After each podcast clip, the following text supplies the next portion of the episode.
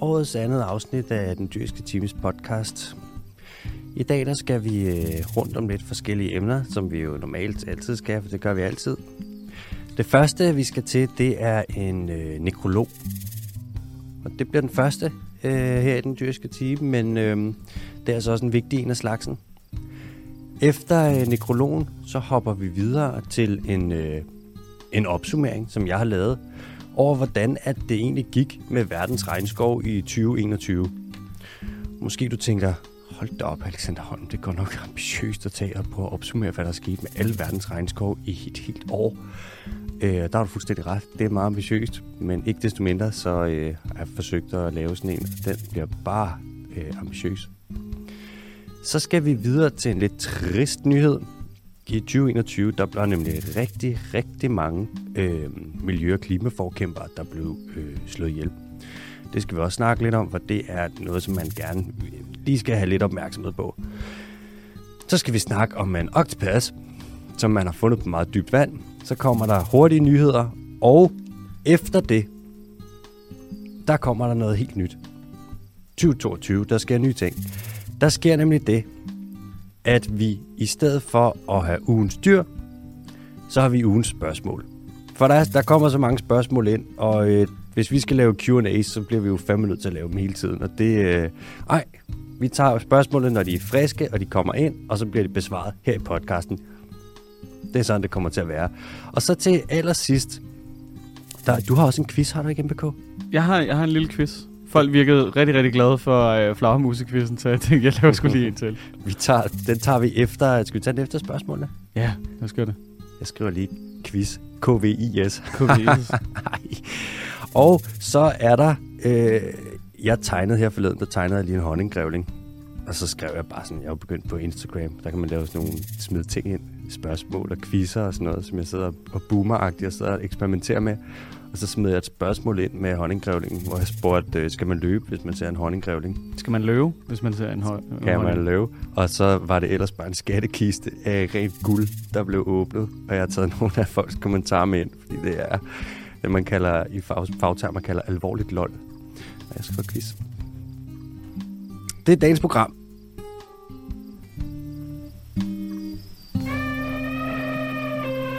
Ah, velkommen til den Jyske Teams podcast. Det er nu øh, anden uge i januar 2022. Hvordan har året været so far, Mr. Bondo Kim? So far, so good, synes jeg. Det er meget Det er godt. stadig koldt. Det er en klassisk januardag. Man Mm. står op, og så tænker man, kæft, hvor ser det smukt ud. Og super koldt. Og crispy. Ja. Cykler over vandpytter med is på. Ja, jamen, ja, det er sådan hø- højre og venstre sving, er jeg begyndt at blive rigtig, rigtig nervøs for, Mm-hmm. hvis det går lidt stærkt. Og livudsving. Hvad, øh, hvad, hvad med din 2021? Jeg så i morges, at du har fået sådan nogle, øh, nogle smarte vanter. Jeg har fået luffer. Eller Øh, 2022, undskyld. Ikke 2021. Det er 2022 nu. 2022, ja tak. Ja. 2022. Mm-hmm. Jeg har fået øh, luffer i øh, julegave. Nå, nå. Dem er jeg syg, dem fik jeg af mine øh, forældre. Dem er jeg fandme blevet glad for. Så er der sådan nogle på, sådan nogle, man sætter rundt om håndledet, ligesom de der i børnehaven, hvor man havde sådan en snor, der gik hele vejen rundt. Så bare, der, der er det bare sådan nogle, man sætter om håndledet. Og da jeg pakkede dem op der juleaften, der var jeg sådan, ah, det er ikke lidt irriterende med sådan nogle der. Så skal man hele tiden have dem dinglende. Men jeg er sygt glad for dem. Det kunne jeg godt forestille mig, fordi ofte når man lige er inde og købe ind, og man så lige skal fætte et kreditkort frem Præcis. eller et eller andet, Ja. så skal jeg stå og, du ved, jeg kan ikke huske, hvilken lomme jeg har lagt dem i, Mm. og ja, ja. Og med luffer, der er du bare sådan, det er ligesom bare at have to kæmpe store tommelfingre. Altså, du kan ikke være mere øh, inhabil på håndfronten. Nej, nej. Du er ikke, det, er ikke, det er ikke hænder og fødder, du er bundet på hænder og hænder. Du bare bundet på hænder og hænder. Ja. Det er sådan lidt Yoda-agtigt, ikke? Nej, han har tre. Yoda, han har tre fingre på hver hånd, ja, og han har to hænder, så det er seks fingre i alt. Ja. Tak. Cool. Mm. Så fik vi også lige sci-fi'en op, opsummeret i 2022. Mm-hmm. Hvad, øh, vi skal til nogle nyheder. Vi starter med en nekrolog. For øh, den 26. december, der skete der det, at vi mistede en af vores allerstørste og en af de vigtigste biologer, øh, der ja, i verden. Det er nemlig øh, Edward O. Wilson. Han blev også kaldt øh, Modern Day Darwin, eller Darwins arving. Og øh, vi har faktisk snakket lidt om ham her i podcasten. det er manden bag det, der hedder Half Earth Project. Det der projekt, hvor man vil dedikere halvdelen af jordens overflade til, øhm, til natur, til beskyttet natur. Og det vil, vil han gøre, eller han coinede det her projekt, Half Earth Project, med, det, med henblik på at beskytte halvdelen af jordens natur og forhindre masseuddøen, altså øh, biodiversitetskrisen, og forhindre økologisk kollaps, og så også forhindre klimakrisen. Det er jo ikke... øh, Det er alligevel lidt af en mundfuld at påtage sig. Ja, men det er også samtidig med, det, er ikke, det lyder heller ikke helt dumt. Det er Nu- ambitiøst. Det er meget ambitiøst. Et stort brød at slå op. Altså, det er jo også det, altså Half Earth Project, det, det kræver ikke bare 30 procent af jordens overflade. Ligesom man nu med meget det der, de der 30-30 øh, mål, som mange tilskriver sig, der er det ligesom det, man sigter efter. Ikke? Det er altså 50 procent. Det er en af de mest øh, ambitiøse målsætninger, som man rent faktisk også sådan, diskuterer. Ikke? Ja. Øhm, jeg har lige jeg har studeret ham Wilson her lidt. Lige for at lave... Det er jo også den første nekrolog, jeg har lavet i hele mit liv. Mm, er det? Ja, det er det faktisk. Vi havde en lidt for sjov en på et tidspunkt med, med, med Donald Trumpy, da han gik af. Men det var Det mere er sådan, det var mere sådan en embedet nekrolog. Ja, det var også bare for at få det der med, med det der møl, der er opkaldt der efter har en lille Fordi tissemand. den har været sådan en lille tissemand og noget fjollet hår. Ej, ja. Neopalpa Donald Trump. Jeg elsker det. Det er biologmobning. Det, jeg tror, det er det eneste, altså lige øh, ja, lupus, Det er det eneste latinske navn, du kan. jeg tror, det er det eneste lat, rigtige latinske navn, jeg kan, hvor jeg kan huske det. Du kan jo bananfluen, den sidder jo, altså, På øjenæblet af dig. Ja, den biologerne, de, vi kan den alle sammen. Det er Ja. Drosophila melanogaster, ikke? ja. Mm. Kan også en masse kvælerslanger, fordi at, øh, ej, det er da faktisk en meget sjov forklaring på det, fordi jeg er en fucking nørd. Nå, Altså- ja, Wilson. Undskyld. Ham, Wilson her, han brugte det meste af hans liv, det brugte han på at lave forskning. Han forskede i evolution, og så forskede han i myrer. Og det er først i den aller sidste del af hans liv, hvor han udvikler det her Half Earth Project, og virkelig begynder at sætte præg på verden og på naturbeskyttelse. Det var sådan set, det var en, en, man kan sige, det var en lille, en lille gave, han gav verden i den sidste del af hans liv. Og det var jo også, selvfølgelig som biolog, så var det jo vigtigt for ham, at vi ikke øh, dræbte alle dyrene og planterne og alle organismerne. Men øh, det var også vigtigt for ham, at vi holdt øh, klimakrisen i tjek, og at, hvordan skal man sige det på en pæn måde, var også vigtigt for ham, at hele lortet ikke gik op i flammer. Ikke? Det synes han, det ville være fedt, hvis det ikke gjorde det. Og ham, øh, Wilson her, han var fra Alabama, det sydstaterne i USA. Alabama ligger ikke så langt fra øh, Florida i øvrigt. Florida, der jo er et kulturelt mekka. Altså Florida, der har deres kultur. Ej, jeg kunne stoppe mig, ellers jeg kunne blive ved med at snakke det. Florida minder utrolig meget. Altså utrolig meget om et europæisk land. Øh, Italien. Når man kigger på, hvordan det ligger, hvordan det ser ud, og den kulturelle rige arv. I Italien, der har de jo haft, der har de jo Rom, romeriet og sådan noget. Det har de ikke i Florida, men de har så meget andet. Og Florida ligger meget tæt på de lande, hvor man laver rigtig Mm. meget rom. Så der, på den måde kan man se, der er også meget sådan... Der er, virkelig, der er virkelig meget overlap. I Rom, der har man Colosseum, hvor at gladiatorerne slås i gamle dage. I Florida, der har man en parkeringsplads, hvor alle meth addicts ligesom går ud og slår mm. som en Mm. 25 øre. Det er, altså hvis jeg så Russell Crowe bare uden tænder stå der og banke en eller anden Ja. over en indkøbsvogn, jeg vil, jeg vil ikke være overrasket. Are you not a welfare state? Altså, ja. Nok om Florida, skulle jeg lige til at sige, men det bliver det jo nok aldrig. Det er simpelthen bare et, et rigt sted. Anyways, Wilson han var fra Alabama, og han var blind på det ene øje, for han havde engang fået en øh, fiskekrog i det andet øje, da han var, havde været ude at fiske. Så i stedet for at kigge på øh, store ting, nu har han kun havde et øje, så kiggede han på de små. Nej, hvor er det... øh, det er sådan, han ser jo enormt sød ud, fordi i stedet for at få et glasøje, så ser det jo bare ud, som om man altid går sådan lidt og blinker til folk. han er sådan lidt, han har et lille blink i øje. ja. Det kan være, at det faktisk var et blink, han fik i øjet, som så gjorde ham blind. Ikke? Han øh, begyndte at kigge på myrer. De er jo små, kan man sige, så behøver du ikke. Så kan du godt kigge på dem med et enkelt øje bare. Og han var pissehammerende dygtig. Altså ham her, Wilson, han underviste på Harvard i 46 år. Og han udviklede noget. Nu bliver det en lille bitte smule øh, biologinørdet, så hold lige fast. Han udviklede en teori om, som man kalder det, øh, teorien om island equilibrium, altså den her balance, der er på øer mellem, øhm, der handler om, hvor mange arter, der kan være på en ø. Hvis der opstår en ø, så øhm, det kan være, der for eksempel er vulkanudbrud under havet, og så kommer der en masse lava op, og så øh, opstår der en ø. Hvor hurtigt bliver øen koloniseret? Hvor mange arter kommer der ud på øen? Og hvis en art på en ø, den uddør, så kommer der jo til at være plads til, at der kan være en ny art. Så man har sådan noget med immigrationsraten og ekstinktionsraten, altså hvor hurtigt de uddør. Der er en balance der. Og den lavede han simpelthen teorien om sammen med en matematiker, der hedder Robert MacArthur, som var fucking dødsenskarp. Altså en matematiker, der er mere kendt i biologien end de fleste biologer. Øhm, han lavede forsøg. Er det, er det skalerbart? Det synes jeg. Nej, men altså, altså den der, øh, den der ø-teori.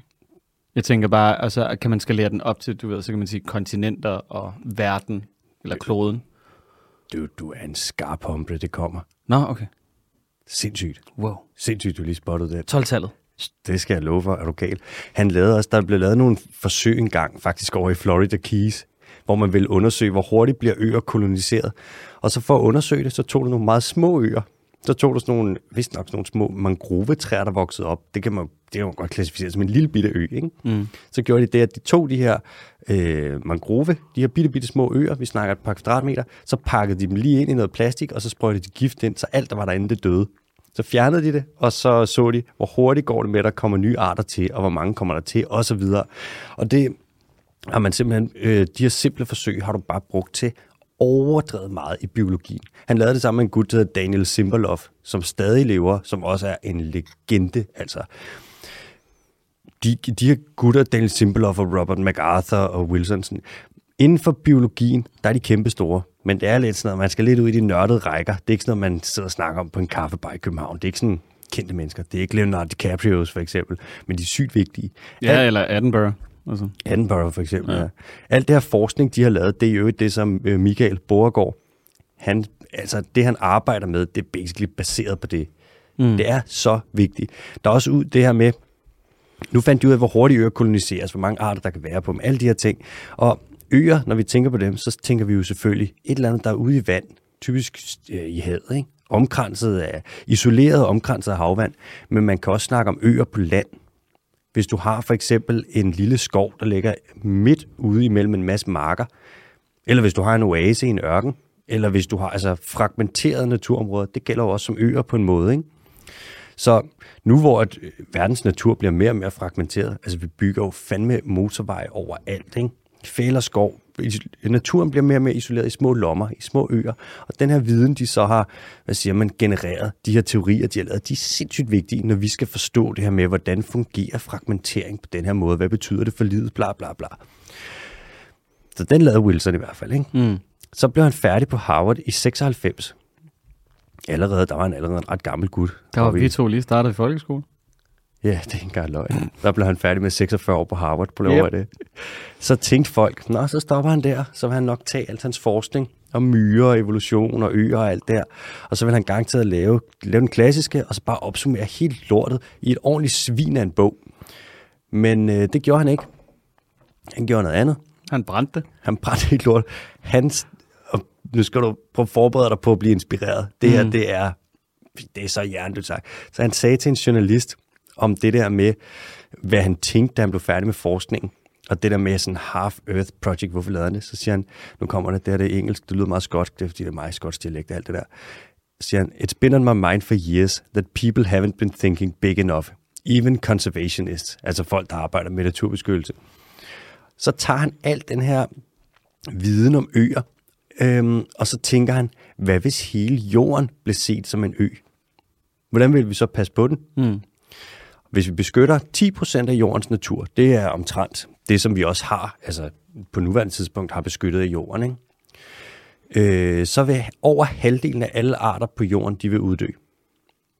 Det er den, øh, der, hvor vi er nu, ikke? det er der, vi arbejder hen imod. Men hvis vi beskytter 50% af jorden, så overlever 80% af alle arter. Det er jo rimelig meget mere, kan man sige, ikke? Mm. Så satte han i gang, så havde han simpelthen der, okay, 80% af alle arter, der overlever. Det lyder sgu da meget nice. Så blev Half øh, Earth Project, det blev født. Og altså, den her idé om at beskytte store dele af jorden, den er ikke ny, men ham med Wilson er rigtig dygtig. Og virkelig dygtig formidler. Han var, øh, han fik den bare, det har gjort den her idé stor. Han ville desuden, så ville han integrere oprindelige folk i hans øh, vision. Så de ikke bare blev skubbet ud. Der er jo nogen, der vil lave naturbeskyttelse, hvor de siger, det bliver natur uden mennesker. Ærgerligt bærgerligt. Ja. Men han sagde, Wilson, han sagde, half Earth will in protect indigenous people who otherwise would find their way of life destroyed as more agriculture and human settlement come in. Han vil simpelthen også integrere det. Så han vil ikke bare tage halvdelen af øh, jorden og gøre den stram beskyttet, sådan noget. Det er forbudt, det er det er kun natur. Han vil også gøre det sådan, så at mennesker måtte være der på en måde. Han vil på den her naturside af jorden, den er de 50 procent, der er dedikeret til naturen, der må vi stadig restaurere, lave lidt gardenarbejde og jage og fiske bæredygtigt, fordi det kan man faktisk godt. Det er jo kommet frem, at hvis man ikke fisker så meget, så er fiskebestandene forsvinder, og hvis man ikke skyder alle dyrene, så bliver de ved med at være der. Prøv at holde fast. Så kan de blive ved med at være der i lang tid, og så er det bæredygtigt, fordi at økosystemet og arterne ikke brækker ryggen og forsvinder for evigt. Det er revolutionerende. Jeg tror, at der må være nogen, der skriver om det snart. Anyways, altså hvis vi inden for de næste 100 år ser noget i bare i nærheden af 50 procent af naturen, af jordens natur, være i bedring, så skal vi huske at sende et lille tak til ham her, Edward Wilson, fordi shit, han har da godt nok øh, lagt nogle jern i naturilden. Skud ud. Han sagde jo et kort før han døde, et par år før han døde, så sagde han, at øh, han håbede bare, at han ville formå at sætte lidt præg på verdens naturbeskyttelsesindsats.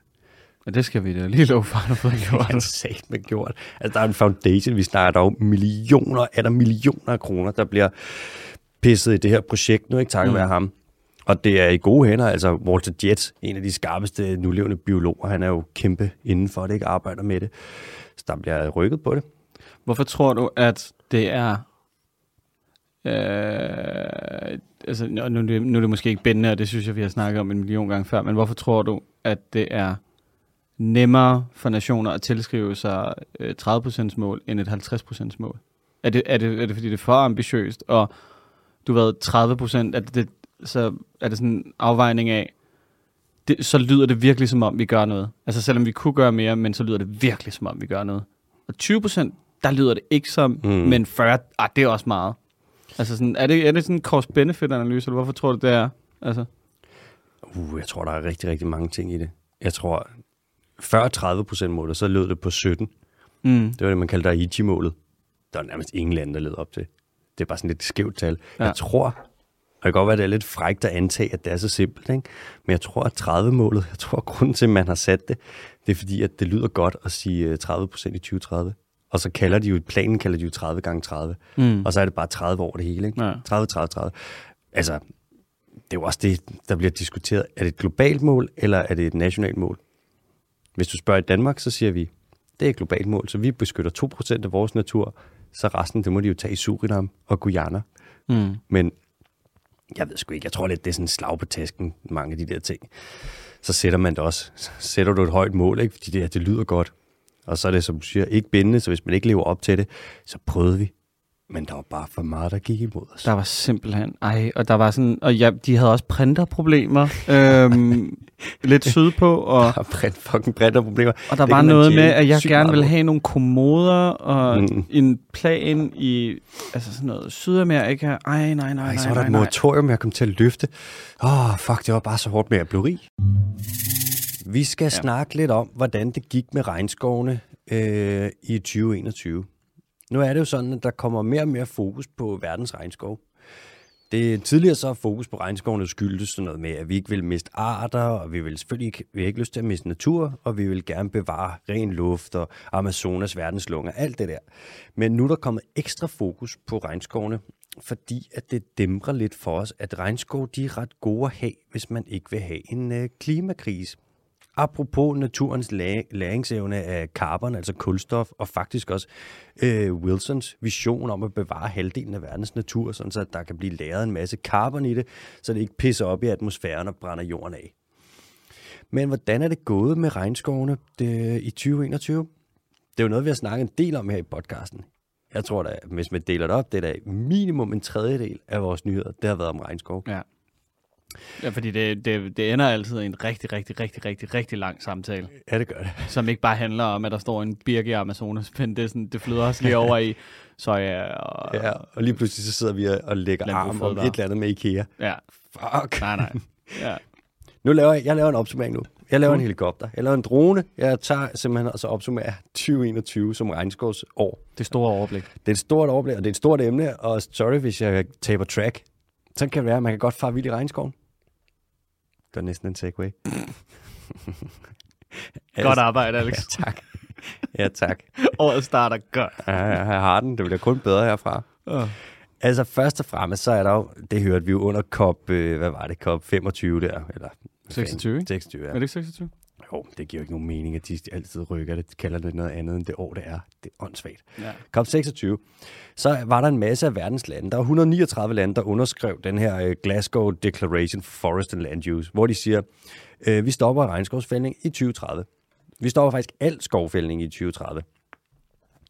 Og man kan sige, det er jo meget fint, det er jo så, ikke så bindende, men øh, og den har allerede været der før med den New York Declaration, hvor de sagde præcis det samme, bare i, var det, i 2014, tror jeg.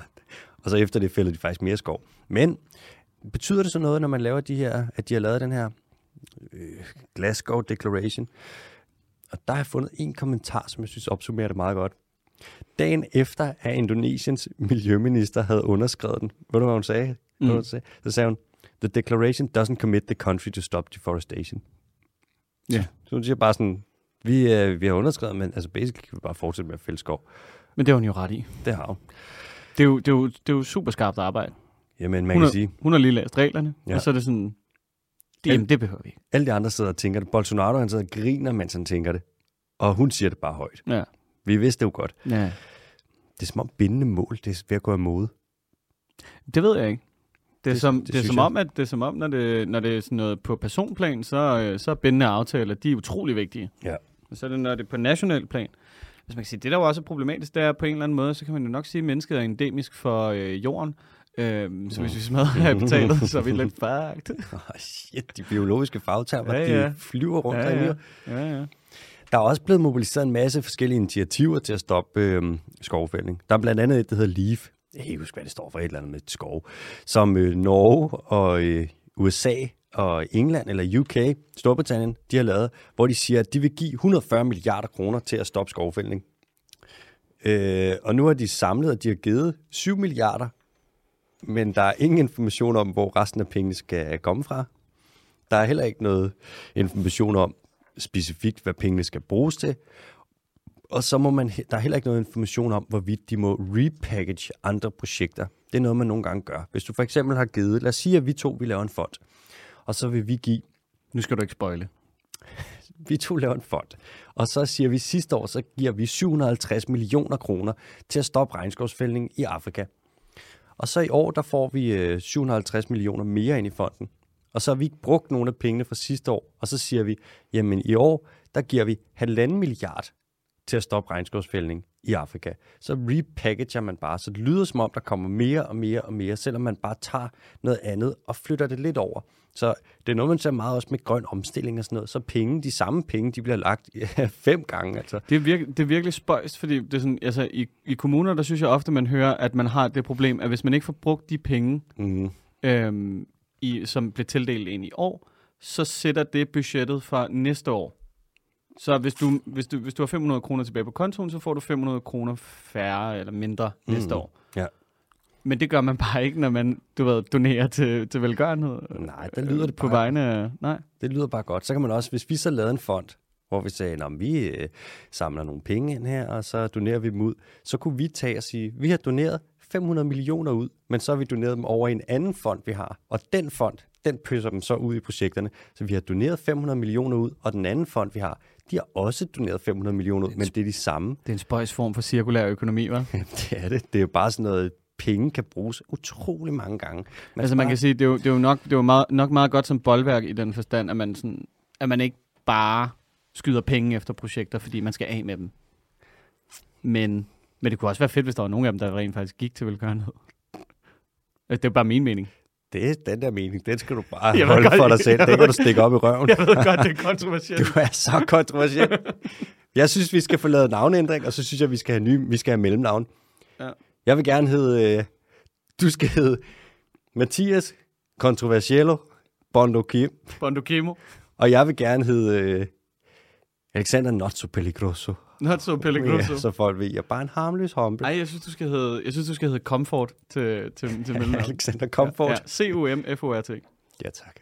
Nej, C-U-M. Lord, Lord Comfort. Comfort. Nå. Der er kommet mere fokus på skov.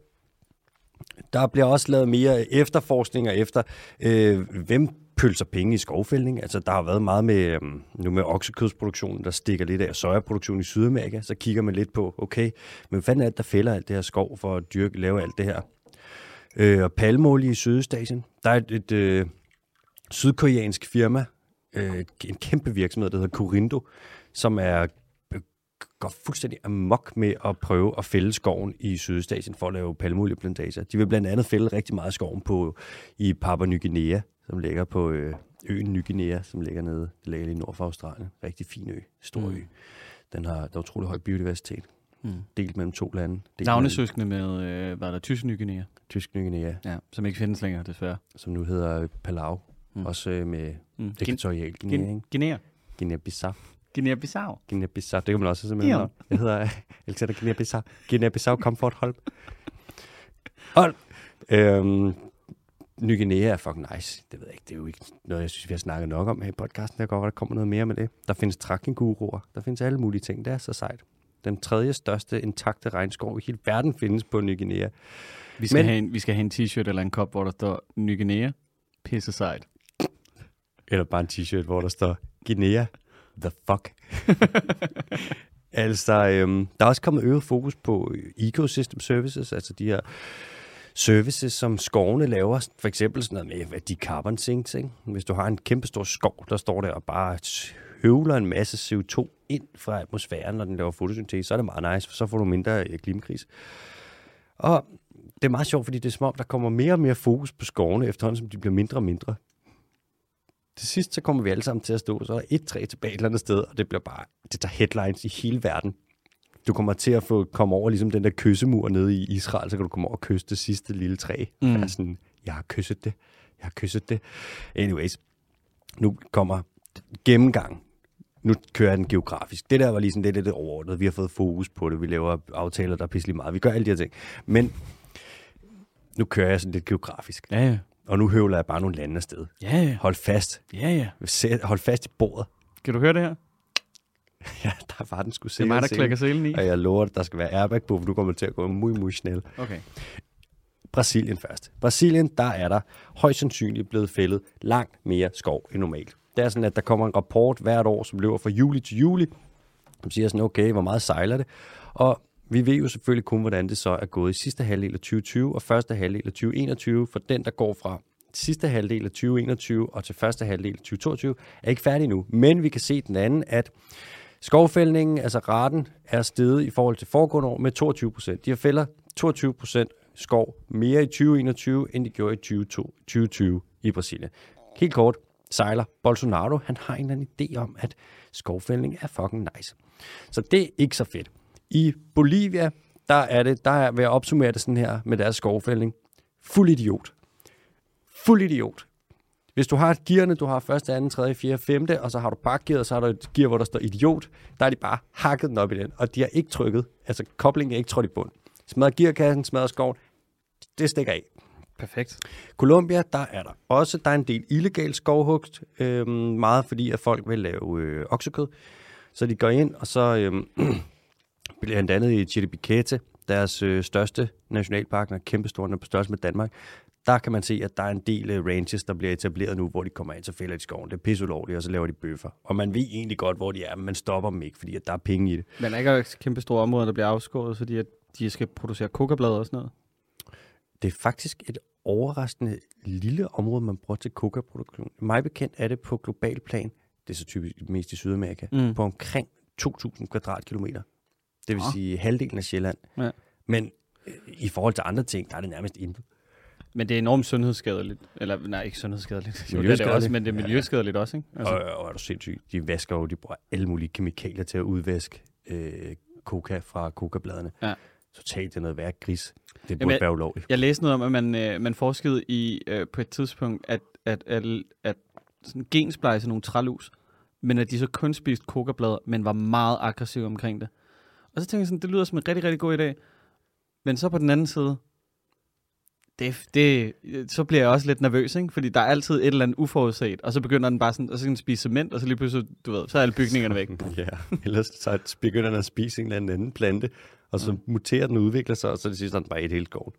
Det, ah, det kunne måske være fedt, hvis den spiste uh, cement. Men ja, altså, du ved, ikke? der blev jeg sådan lidt, det synes jeg, jeg skal lade være med at pille ved det der. Det, Altså- er, det går galt hver gang. Det er ligesom sådan noget, tager man til Australien, tænker, det kunne være nice, hvis vi havde kaniner. Ja, 100 år senere, så har du bare smadret et helt land. pis. Vi skal også have kameler. Puff, 100 år senere, smadret et helt Så har du en million kameler, ikke? Nu skal vi have en rev, fordi der er godt nok mange af de der rev. kaniner, var. Så det stikker helt af. Det skal man Ja. generelt bare lade være med. Ja. Det eneste sted, hvor jeg tænker, at det måske... Ej, der er sikkert også nogle andre, men et sted, hvor det fungerer lidt på sådan en grineren idiotmåde, det er det med malaria-myggene. Har du hørt det? Nej. Så har man taget for selvfølgelig at undgå, at der kommer for meget malaria, så har man taget malaria-myg. Og gjort dem impotente. Nej, man har bare været ind, og så har man modificeret i deres gener, så de genetisk set bare er blevet mere lort. Altså, de bliver mere syge, og de er dårligere fitness og alting. Og Så så har fedt du, bare lige at blende deres gener. Du har bare smadret deres gener, så har du avlet en masse malaria-myg med rigtig dårlige gener, og så har du sluppet dem fri i naturen. For simpelthen at gøre de vilde malaria-myg, give dem dårligere gener. Ej. Nå, ja, øh, tilbage til... Yes. Ja. Øh, Peru. Peru har jo haft den højeste dødsrate, så vidt jeg ved, øh, af corona af alle lande i hele verden. Det er jo sådan noget helt latterligt, sådan noget 3-4 promille af befolkningen, der er døde af corona i Peru. Og udover det, så har de jo kæmpe problemer med narkokarteller, og de har ulovlig tømmerhugst, og de har sygt meget minedrift, og altså, der er ikke så godt styr på det, fordi landet har været så påvirket af corona, lockdowns og alt muligt lort, så at der har ikke været så mange ude at holde øje med for eksempel krybskytter og illegal skovhugst. Alle dem, der er ude at lave lovligt arbejde og skal holde øje med dem, de har jo så ikke været på arbejde, og så alle dem, der har lavet noget ulovligt, de har bare været ude og fyret den af. Så der går det altså heller ikke så godt. De vil desuden stadig lave den der motorvej der fra Brasilien og ud til Stillehavskysten igennem øh, sætter du de ved parken over i Peru, og det er no bueno. Altså der er det, hold kæft, der vil man bare, det er en ordentlig losing til biodiversiteten. Sejler også. Kongo, i Kongo-regnskoven, som jo ligger blandt andet i øh, landet Kongo og i den demokratiske republik Kongo, men som også er regnskoven Kongo, hvor der også er bongoer inde i Kongo, og der er der ved at komme smæk på skovfældningen. De har jo lige løftet øh, deres moratorium på skovfældning i den demokratiske republik Kongo på grund af printerproblemer. Ja, ja. Ups. ja, det er noget rigtig lort. og nu vil de høste flere naturressourcer, og de vil udbygge infrastruktur. Der er oliefirmaer, der står på rov, og så har de fået en Ah, rigtig, det er fedt. en rigtig god, dårlig kammerat, der hedder Kina, Yep. som står klar med investorfirmaer og siger, den der skov, fuck den. Det er utroligt, mand. Ej. Vi må se, hvad der sker. Der er jo også det med Kongo, øh, at den skov, der er læret overdrevet meget øh, carbon i den. Og hvis Nej, Man, nej, nej, nej, nej. er der slet ikke det? Nej, nej, nej. Det er noget, du bilder dig selv ind.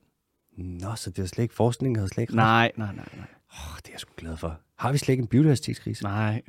Jeg har jo hørt lidt om, at Venstre har sagt, at der ikke er en Men biodiversitetskrise. det har folk sagt før. Ja. Folk har sagt det før. De har sagt det så længe. Ja, ja. Hvorfor er al biodiversiteten så ikke væk? Ja, men jeg ved det ikke. Vi skal have Bjørn Lomborg. Det tror jeg.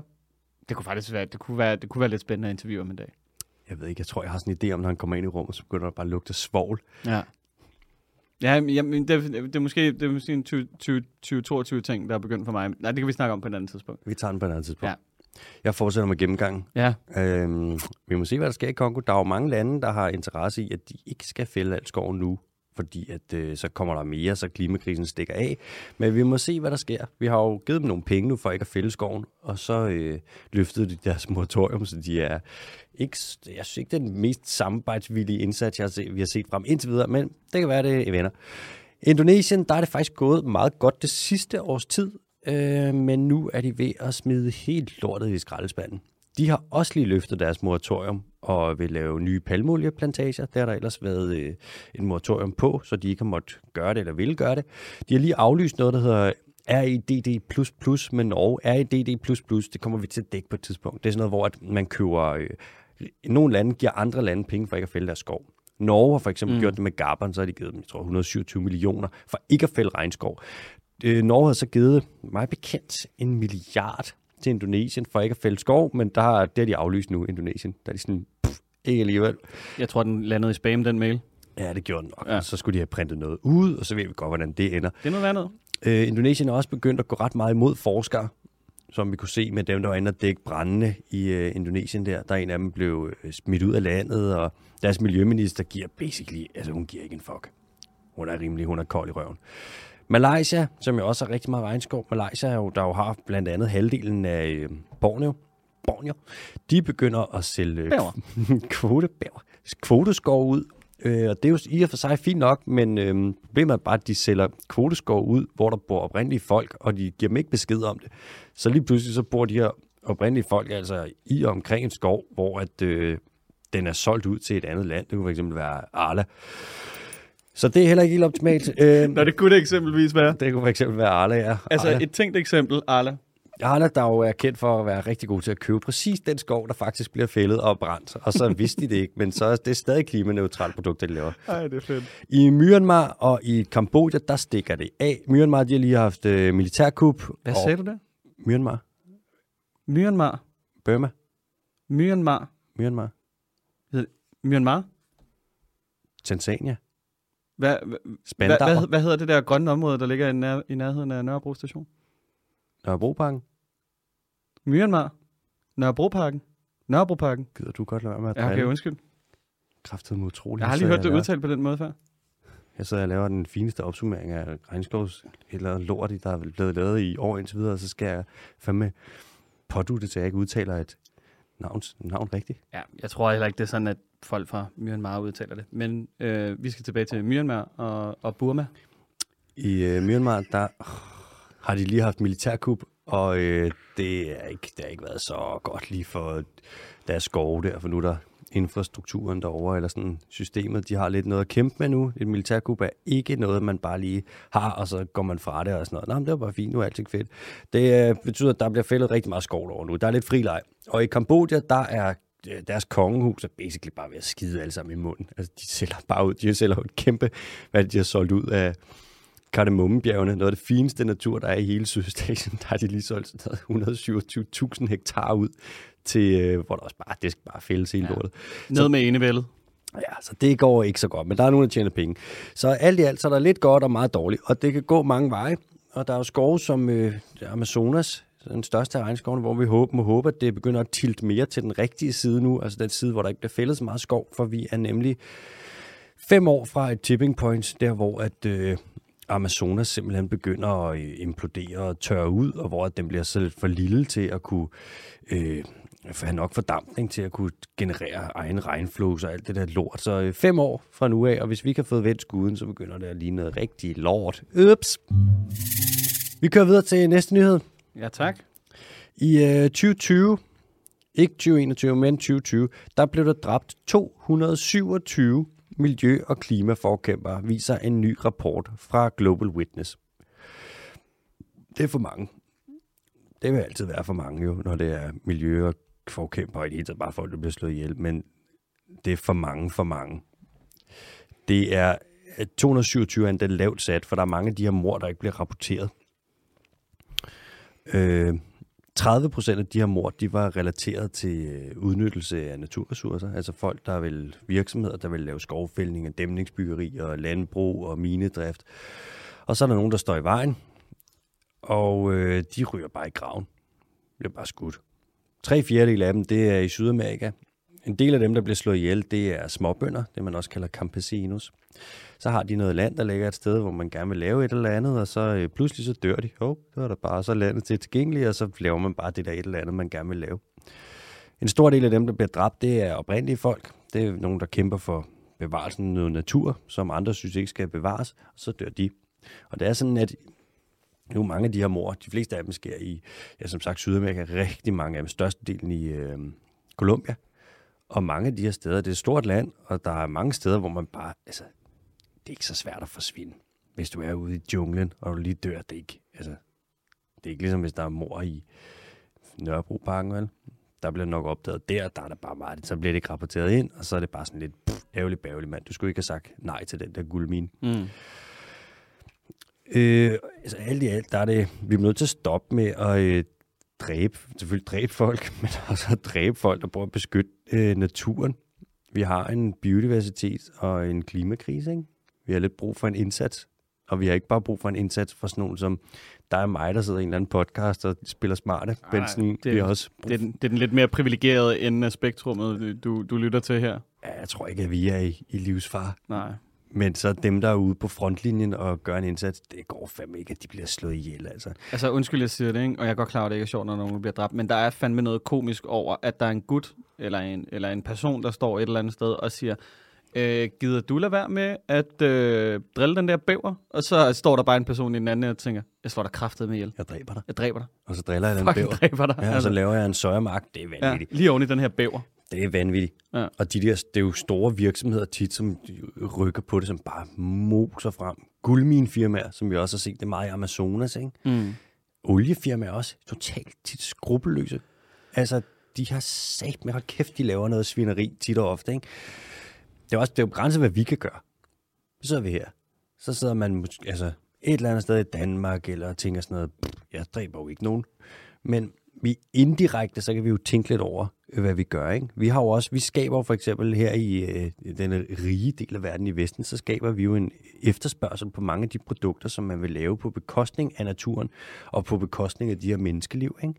Mm. Meget man kan være opmærksom på. For eksempel, igen, nu ved jeg godt, det er måske ikke det, som man tænker mest over, eller det, hvor man lige går ned og køber og smider i kurven til hverdag, men hvis man køber guld nogensinde, så skal man sagt med holde øje med, hvor det kommer fra. Mm. Samme med diamanter, samme med selvfølgelig kaffe, øh, oksekød, svinekød, tømmer, hvis man lige skal have lavet en ny terrasse, et eller andet. Man kan godt sætte sig en lille smule ind i det. Bare vi må lige tænke os lidt om, tage lidt hensyn, fordi så længe vi bare totalt i sådan noget blind ignorance, bare køber præcis, hvad der passer os, så nogle af de der knapper, vi trykker på med vores efterspørgsel, det kommer altså til at bidrage til, at der måske er nogle folk, der øh, mister liv. Ikke? Mm. vi skal skulle være. Vi må være lidt opmærksom. Det er jo det ansvar, som vi så har. Ikke? Nu vi, vi sidder her, skaber efterspørgsel. Jo, altså, altså, vi har jo, jeg, der er måske også en kultur af, at alle har travlt hele tiden med alle mulige ting. Mhm. Og, og, og det forstår jeg også godt. Og jeg synes også, at jeg ofte har travlt, og har svært ved at kigge efter på pakkerne, og det ene og det andet. Og hvad er godt for dig sådan rent helbredsmæssigt, og hvad er godt for kloden, og det ene og det andet. Og det er altid en kæmpe fucking skala at skulle balancere alting på. Mm. Men, men der er jo ting, vi godt ved, som vi vælger at ignorere. Altså, jeg ved ikke, hvad, er det, hvad kalder man det? Kognitiv dissonans eller sådan noget, ikke? Hvor du kan, Ja. have, du, du kan have to holdninger samtidig, som er modstridende. For eksempel, mm. at øh, hvad det hedder, jeg vil ikke skade, øh, hvad det hedder, klimaet. Øh, jeg kan godt lide, øh, hvad det hedder, oksekød. Men fordi, at der ligesom er et ikke lige med tegn imellem de to ting, så Mm. kan du godt synes begge ting. Og det er, altså, det er jo, det er jo problematisk i mange af livets henseender. Det er svært. Og jeg tror også, du ved, lige så snart, at du går fra sådan et, et makro, altså et meget stort perspektiv, og ned i et individperspektiv, så tror jeg også, der sker rigtig, rigtig mange af de her ting med velmenende folk. Altså, sådan, også. altså også folk, der, der begår nogle ulovligheder og nogle, nogle forfærdelige ting, men i en god sags tjeneste. Mm-hmm. Og jeg kom til at tænke på det her forleden, fordi kender du komikeren, der hedder Norm MacDonald, som jeg tror, han gik bort i år, nej, sidste år, eller? Ham australieren, ikke? Nej, han er amerikaner. Ja, jeg kender ham godt. Han er kendt for at være sådan... Øh, Meget sort og, og, og Ja, grov. Meget, ja, meget grov. Ja. Men han er, han er også enormt skarp, og så faldt jeg, så faldt jeg over en masse øh, hvad der hedder, øh, videoer af ham her forleden, og så gik jeg ind og læste på hans Twitter, og så var der et, et, et quote, som jeg synes passer meget godt, som man måske lige skal huske en gang imellem. kom med det. Det er, øh, og nu får I den på engelsk, og det kan Mm. godt være, at det kommer til at lyde irsk, fordi at, øh, hvad der hedder, det er jo mig, der læser din. Hold din kæft. Um, the idiot sees the world as good versus evil. The cynic sees the world as evil versus evil. The truth is that no one, uh, the truth that no one seems to be able to see is that the world is and always has been a battle of good versus good. Altså, så det er, det, altså, det er jo gode intentioner herfra. Mm. Jeg tror også, det er for individet nede i, øh, nede, ja, la, Colombia. Colombia for eksempel. Ikke? Mexico. Ja, der, øh, der måske laver nogle søjermarker og sådan noget for at tjene nogle penge. Det er jo med gode intentioner. Det er så, man kan brødføde sin familie og det ene og det andet. Og så sidder der nogen og profiterer på det længere op i kæderne. Jeg tror ikke, folk gør det med onde intentioner. jeg Nej, tror, det tror jeg det, ikke. det er skalaen og perspektivet, som de ikke har. Klart. Det er jo, det er jo som oftest uvidenhed, der Mhm. gør, at folk altså sådan, handler åndssvagt. Det er udfordringen, ikke? Man må gerne fordømme handlingen, men man skal altid være lidt large med personen bag. Der er Mm. aldrig rigtig nogen, jeg tror ikke, der er nogen, der vågner om morgenen og tænker sådan, i dag skal jeg være ond. Nej, Eller i dag skal jeg gøre mig dårlig. nej. Der er måske nogen, der er sådan, Så kan det være, at der er nogle steder, hvor grådighed trumfer altså moral. Øhm, præcis, og Ja. det må man gerne fordømme, ikke? Men det var ret, man skal passe på med at være for meget ude efter rivende med folk. Ja, altså man skal jo nok kigge på, på samfundet, eller, eller hvad kan man sige, nationen som helhed. Altså fordi så på individplan kan jeg også godt forstå, at folk går ind for, på dødstraf. Altså hvis der er en spritbilist, der kørte min datter ihjel på tre mm. år. Cool. Jeg havde vel have lyst til at slå ham ihjel, fra jeg stod op til jeg gik i seng, og Ja. nok også, når jeg sov. Mm. Øh, mens, du ved, på et samfundsplan, synes jeg ikke rigtig, vi kan tillade det. Altså. Det kan jeg sgu godt følge dig af. Stort spørgsmål. Mm. Nå, jeg kom bare lige til at tænke på det, da vi snakkede om. Ja, Jeg synes, det var fint, at vi havde et lille quote, og vi hørte dig snakke irsk også. ja, ja. ja, ja. Der er også det der med kognitiv dissonans, og det der med at ville noget, men også ville noget andet, og de to ting er lidt modstridende. Det er mm. Mm. lidt ligesom, minder mig lidt om nytårsaften, hvor jeg vil gerne sådan, jeg vil helst ikke have tømmermænd 1. januar, men jeg vil gerne være rigtig stiv. Det var svært. Det var virkelig svært. Jeg havde en kamp, og jeg blev så, altså det frustrerede mig så meget, det der dilemma, så jeg bare dulmede hele min, hele min ængstelse med alkohol. Med alkohol. og så øh, kan man sige, så blev beslutningen jo taget for mig, så det var slet ikke min skyld. Ja, det, øh, målet bliver til løsningen på en eller anden måde, ikke? Ja, det gør det. Nå, vi skal til noget lidt mindre, øh, lidt mindre seriøst, noget, der ikke har så meget at gøre med dødsfald og øh, regnskovsfældning og sådan noget, men bare en spændende opdagelse, man har gjort øh, for nylig. Man har nemlig fundet en blæksprut på meget dybt vand. Helt nede på 6.212 meter. Det er halvanden kilometer dybere, end man nogensinde før har fundet en blæksprut. Kom med det. Release the Kraken. Ja, det her det er en meget lille kraken. Nej. Jo, det er en lille Nej. Jo, jo. Nej, de bliver, ting bliver jo større, jo længere ned på øh, havet de kommer. Nej. Jo, de gør. Nej. Jo, de gør. Hold kæft. Det gør det ikke. Nej, det er rigtigt. Du er en lille løgner Jeg vil, en bare lille gerne gavtyv. have, jeg vil bare gerne have, at vi snart finder en af de der savnomsbundne dyr, eller vi finder sk- skelettet fra Loch Ness, eller et eller andet. Det er sådan, jeg, vil- Det jeg kommer. vil så gerne have det. Det kommer. Bare vent. Jeg ved ikke, hvornår det kommer, men jeg ved, det kommer. Nej. Jeg er Ja. håbefuld. Ja. Loch Ness, det er jo nok også bare en brontosaurus, der er gået lidt rundt og hygget sig i en, nogle millioner år. Loch Ness, det er bare en sel. Ja, Du er hørte det her nok. først. Ja. Øhm, den her blæksprut, som man har fundet så langt nede, den kommer fra en gruppe af blæksprutter, en familie, mig bekendt, som hedder øh, Magnapinidae. Og de har ikke noget dansk navn, men de har en, nogle sådan nogle underlige, lange, tynde arme.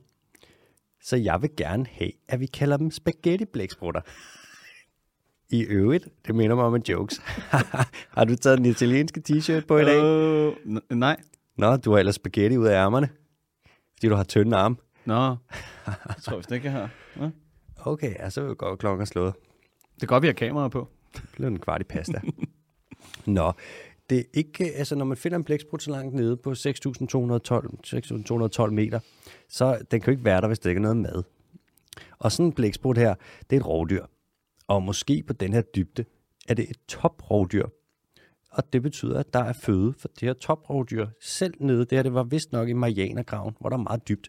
Og når der er føde for toprovdyrene, så er der jo så nogle øh, lag i fødekæden nedenunder, og så kan man sige, så er der jo så at sige et, et økosystem på den måde, ikke? Og det siger lidt om, at hvordan livet, det her liv, vi ikke forstår på havbunden, det gemmer nok på nogle øh, overraskelser, og det gemmer på noget kompleksitet. Og ikke at jeg skal komme med et moralsk opsang, men jeg vil da gerne sige, at øh, før vi får undersøgt fuldstændig, hvordan det her det arter sig, så skal vi nok lige holde en lille smule igen med for eksempel øh, dybhavsminedrift og de her øh, skadelige aktiviteter, vi pynser på at lave nede på havbunden, hvor man har et skrøbeligt og højst sandsynligt ret komplekst økosystem. Nå, synes du det? Det er bare min mening. Der er alle mulige fede ting dernede, som vi gerne vil have. Kobalt og jern, Jern. magnesium, Magnesium. strontium, barium. Barium. Hvad er barium? Hvad er det? Det er et metal, synes jeg. Nå, okay. Barium. Det lyder som noget, man bare har fundet på. Det er sådan, Bare fundet på. ja, ja. Nej, men det lyder som sådan noget fra X-Men, hvor at, øh, Barium. hvad, Wolverines fætter, han er, han, Han har klør af barium. Klør barium. Ja, sådan noget, hvad kan de? Hvis du sætter ild til dem, så lyser de gult. Det er fireworks. Nå, er du klar til, at det skal gå pissehammerne hurtigt af helvedes til? Det kan du lige fucking bande på, ja. Uh, er der skal fart på i dag. Tiger Farm. Altså farm, hvor man har tiger. De får slet ikke stoppet krybskytteri. Der har man ellers sagt sådan noget. Nu tager vi og avler tiger på farm, og så kan man få tigerprodukter derfra. Tigervin, tigerknogle, tigerskin, alle de her ting, man vil have. Og så fanger man ikke vilde tiger for at få dem. Øh, og på baggrund af den her for idé om, at tigerfarmene skulle få stoppet krybskytteriet, så har man så en masse tigerfarm i øh, Laos og Kina og Thailand og Vietnam. Man har mere end 8.000 tiger i fangenskab, kun til at lave produkter af. Og så også til at få masser, så man kan komme over og få taget billeder med dem og alle de her ting. Men nu er der lavet et studie fra Vietnam, der viser, at folk er pisse ligeglade med de her produkter fra øh, Tiger Farm, og de vil hellere have produkter fra vilde tiger, også selvom at det er ulovligt. Så det virkede øh, åbenbart ikke. Ikke Vietnam i hvert fald. Øbs. Så skal vi til Sulawesi, som er en ø over i Indonesien. Det er også der, hvor der er Sulawesi vortes, øh, hjortesvin, hvis man kender dem. Sådan nogle sjove, sjove, sjove øh, svin, der har, hvor at hannerne får øh, deres stødtænder. De har også nogle stødtænder, de vokser ud og laver sådan en krølle og vokser faktisk ind i kraniet på dem selv. Om de kan, deres tænder kan vokse så langt ind i kraniet, at de dør af det. De ser rigtig, rigtig sjove ud. Det er ligesom en indgroet negl.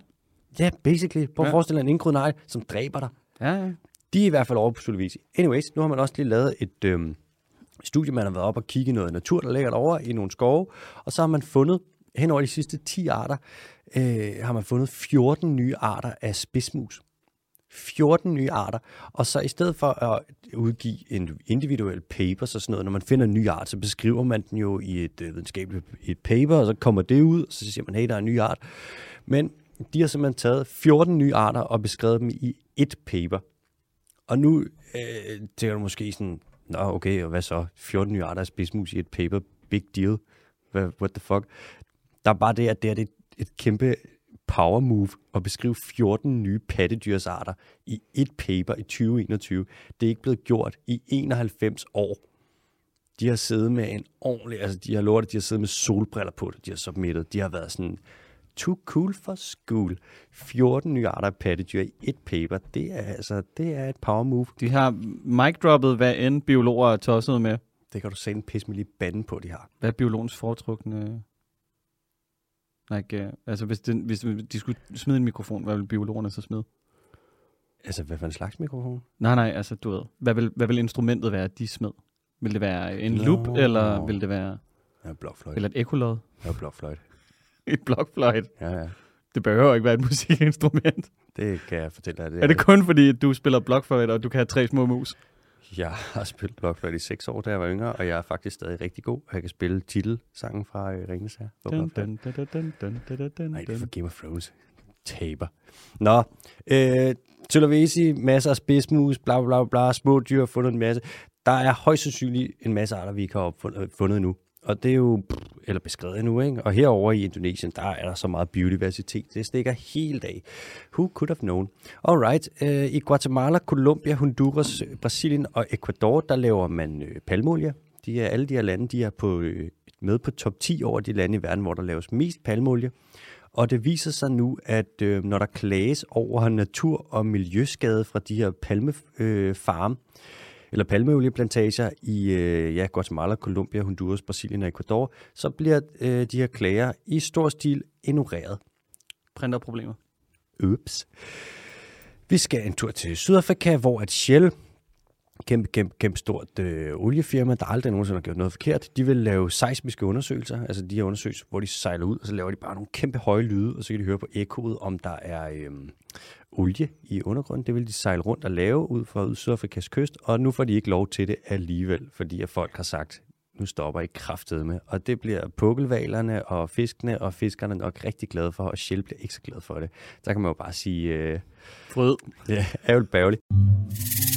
Skal vi tage din quiz? Ja, lad os tage, tage din quiz nu. Skal vi tage min quiz nu? Kom med quizzen. Okay, cool. Vil du, lige, vil du også introducere, hvad quizzen, hvad præmissen for quizzen er? Præmissen, det er sådan set bare, at jeg har øh, googlet nogle fun facts, og så starter vi med fun facten, og så har jeg læst ned i dyret, og der er så fire yderligere ledetråde Mm. for at gætte dyret, og til sidst, der kommer den, den sådan helt, du ved, du, så, hvis du ikke regner den ud der, så, du, så bliver du nødt til at give dit politiskilt tilbage som biolog. Holy shit. Biologskiltet. Ja, let's have it.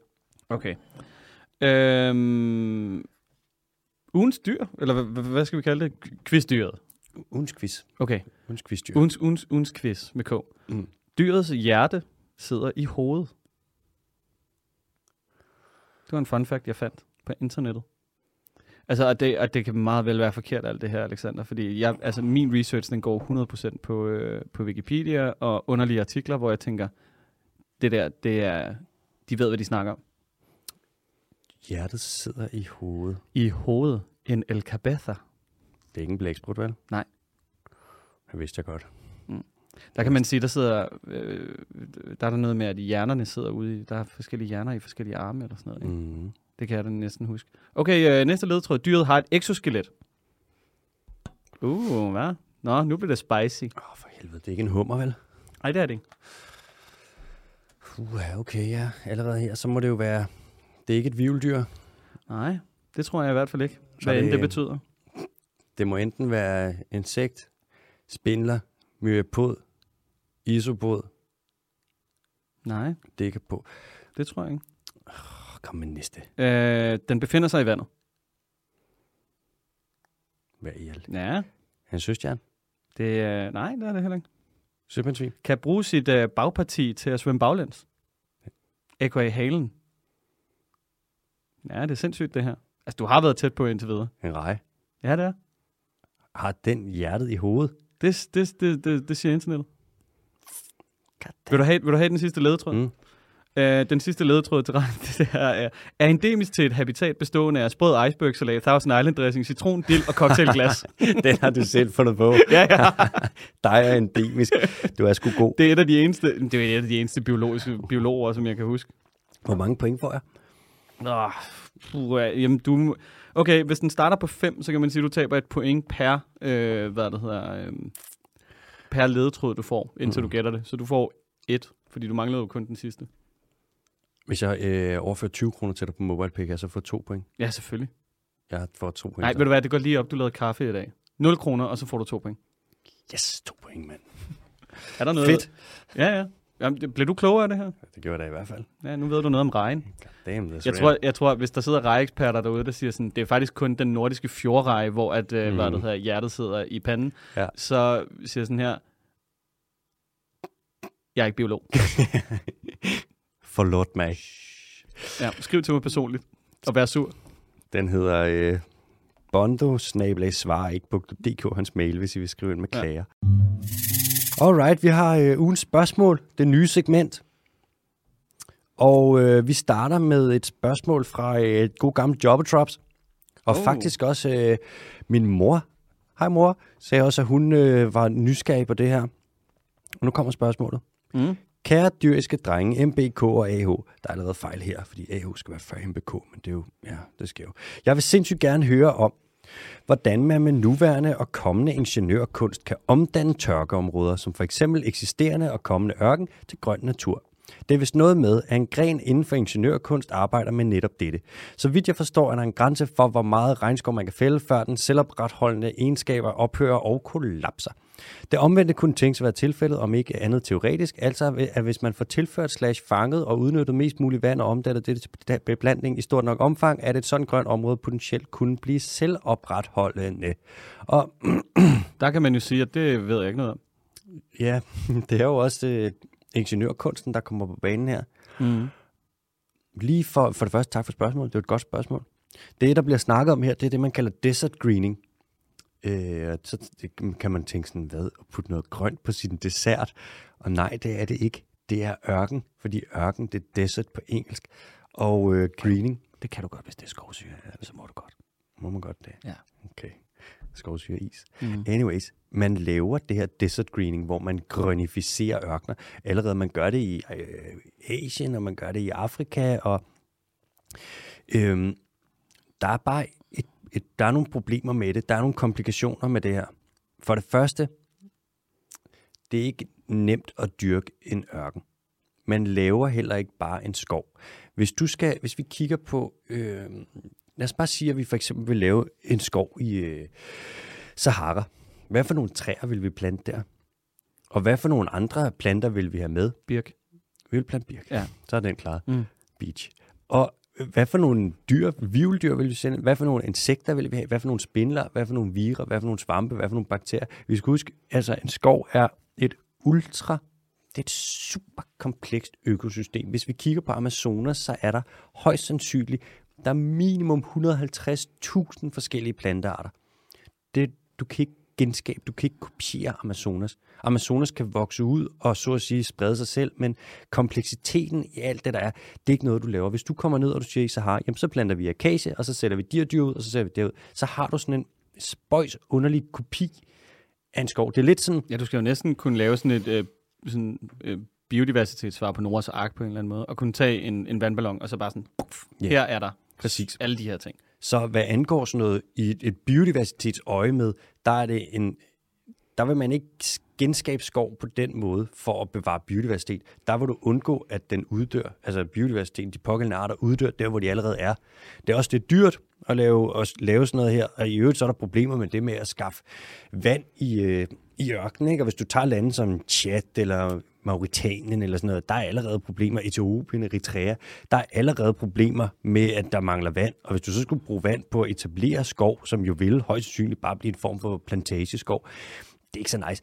Det, man kan, burde gøre i stedet for, det er at tage de penge, som du vil bruge på at lave ny skov ude i ørkener, og så i stedet bruge dem på at bevare den skov, der er ved at blive fældet. Det andet med sådan, altså det er ikke for at sæble ideen ned, det er bare for at sige, at der er et bedre alternativ. Det er lidt ligesom, hvis du kører på cykel ned ad en bakke, og du kan se sådan, hvis jeg ikke bremser nu, så kommer jeg til at falde og brække benet. Og så i stedet for at bremse, så begynder du, tager du din telefon op, og så kigger du lige, begynder du at kigge efter proteser.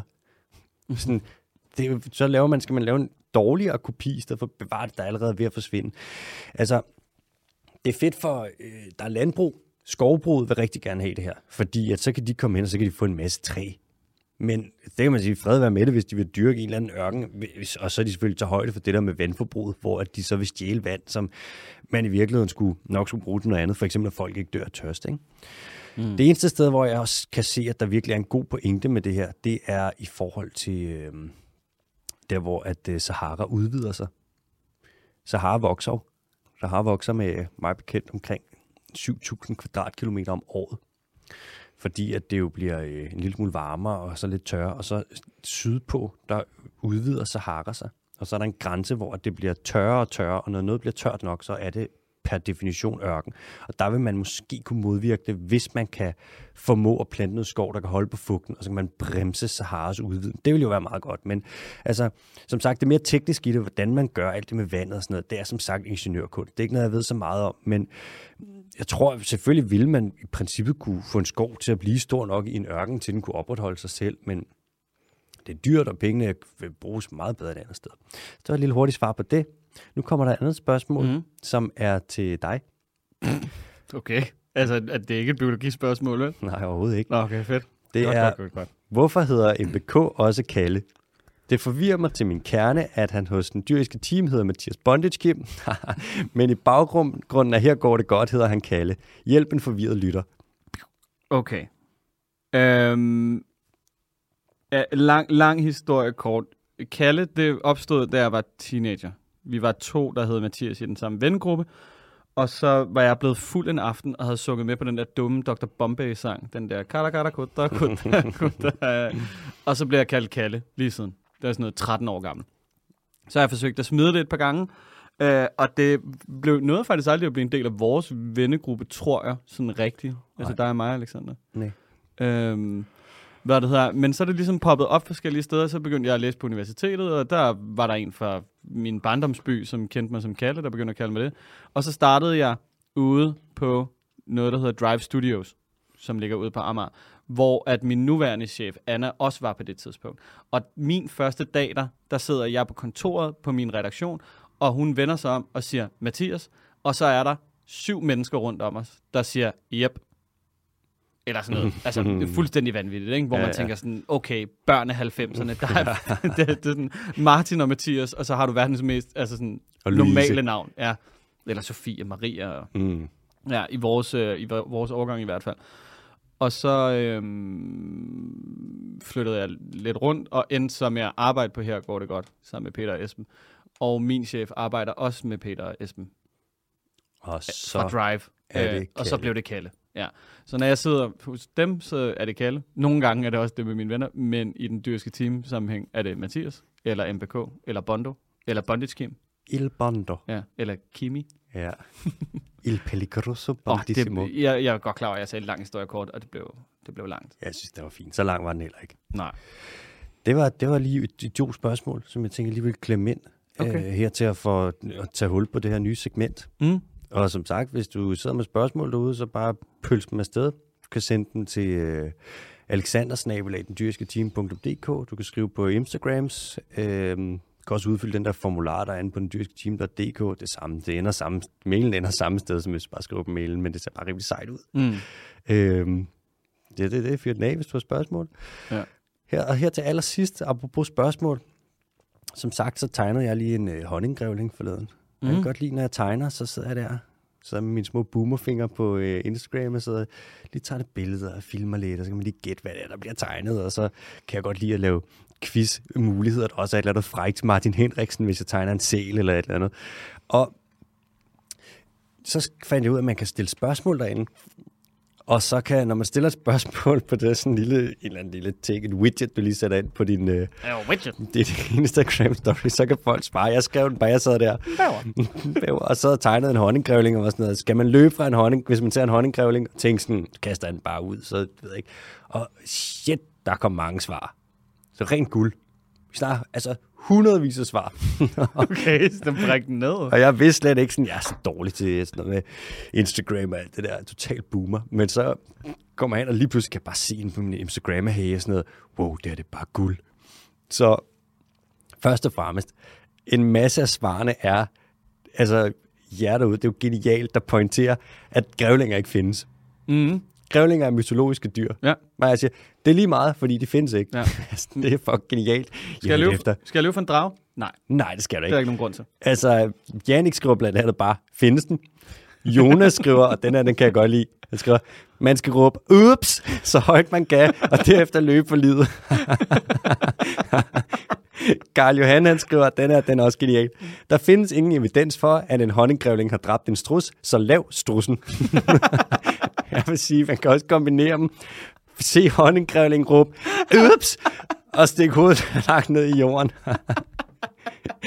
Christina skrev, jeg tegnede også en brillebjørn, før jeg tegnede honninggrævling. Og Christina skrev, man skal bare gøre som en brillebjørn og slinge sig flot i et træ. Det er sikkert også, så man gør det, og så lave strusen. Den, en anden Christina skriver, og det her, det er dark. Hun skriver, det er allerede for sent. Okay. Den kan jeg også godt lide. Anne skriver, kun hvis man har glemt honning. Og så er der en masse, der også pointerer, at eller siger, at man skal bare kramme den, for det kan være, den har haft en hård dag. Okay. Hvis nok også en, der Nå. skriver, at du skal bare give den en god cigar og et kram. Nå, ej, hvor sødt. Øh, så ja, genialt. Det er fandme ikke sidste gang, jeg slynger sådan et spørgsmål. Kæft, det er grineren. Nej. Tak for øh, Ja, tak for svarene. Er du sindssyg? Jeg har ikke mere. Jeg tror, jeg tror, at strussen, den skal jeg begynde at anvende noget oftere. jeg skal bare bruge Hvordan så. undgår man et irriterende møde? Ja. Strussen går aldrig til møder. Lav Hvis man kommer til at gøre noget forkert. Hvis for eksempel man siger noget, man ikke skulle have sagt, og nogen siger, hvad sagde du? Så bare sige, ups, og så løb. Og, ja, velkommen til 2022, mand. Er du sindssygt? Det starter godt. ja, tak fordi du lytter med.